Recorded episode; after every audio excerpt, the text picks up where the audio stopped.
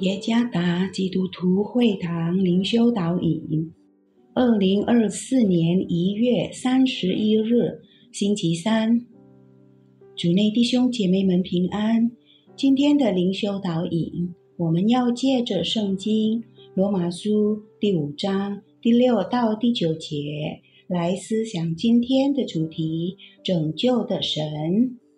作者朱思杰传道。罗马书第五章第六到第九节，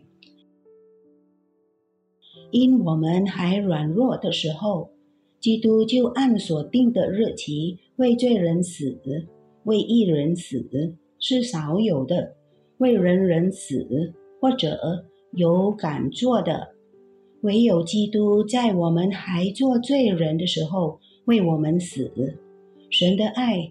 就在此向我们显明了。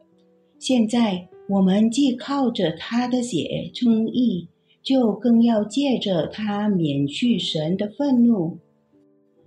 宗教改革之前，教会的悠久历史有一个黑暗的故事，那是罗马天主教买卖赎罪券的时期。购买它的人。将获得罪孽的消除、宽恕或减轻炼狱中罪孽的折磨。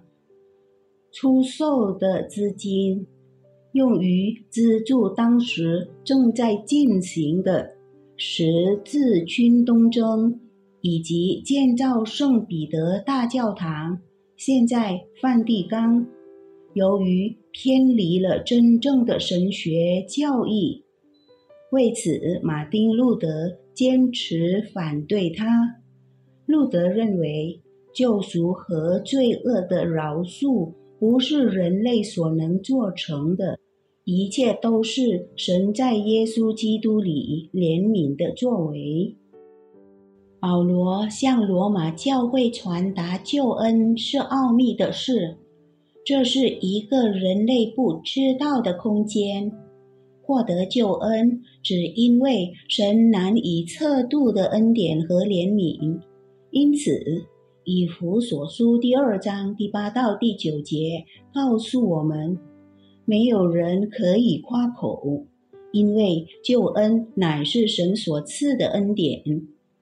保罗华许说：“我为自己的救赎做出的唯一贡献，就是我的罪。”这意味着我们不配得来获得救恩，因为那是出于神伟大的怜悯所赐予的。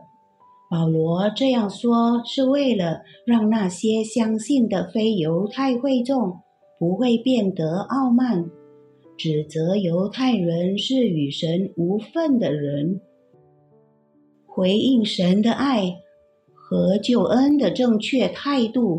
是时刻感恩，因为如果基督没有为我们而死的话，又会有怎么样的事情发生在你我的身上呢？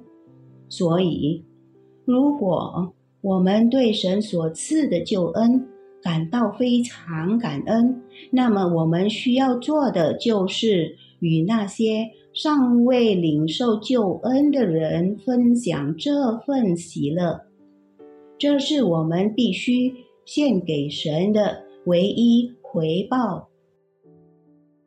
我们为救恩做出的唯一贡献就是罪，所以不得傲慢。主耶稣赐福。